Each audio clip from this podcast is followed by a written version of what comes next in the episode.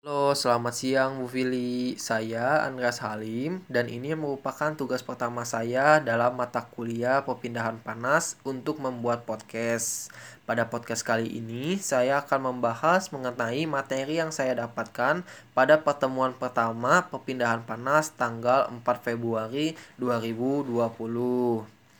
Perpindahan panas memiliki hubungan dengan termodinamika, di mana pada termodinamika saya mengetahui mengenai internal energi. Internal energi dibagi menjadi empat, yaitu ada energi laten, energi sensibel, energi chemical, dan juga energi nuklir. Pada termodinamika hanya mempelajari energi laten dan juga energi sensibel. Sedangkan pada perpindahan panas akan juga mempelajari energi chemical dan juga energi nuklir. Nah, pada pertemuan pertama kemarin dibagi menjadi dua kelompok ada satu kelompok yang pergi menuju lab konversi energi untuk menghitung konduktivitas termal yang dimiliki oleh suatu material. Sedangkan satu kelompok lagi berada di kelas untuk mengerjakan soal.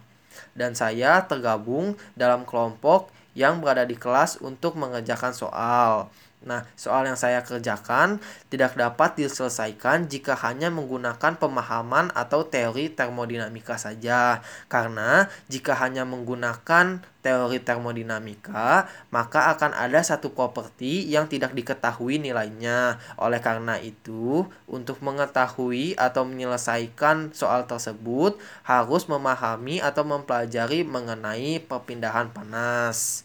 Dalam perpindahan panas ada tiga jenis proses perpindahan panas yaitu ada konduksi, konveksi, dan juga radiasi. Konduksi merupakan menggunakan medium e, solid atau diam, sedangkan konveksi menggunakan medium fluida atau liquid yang mengalir, serta ada radiasi yang melalui proses perambatan udara atau gelombang elektromagnetik pada konduksi itu terdapat nilai K atau konduktivitas, sedangkan pada konveksi terdapat nilai H atau koefisien Q transfer, sedangkan pada radiasi terdapat nilai konstanta em emisivitas dan lain-lain. Sekian podcast kali ini saya membahas mengenai materi yang saya dapatkan pada pertemuan pertama mata kuliah perpindahan panas. Sekian dan terima kasih.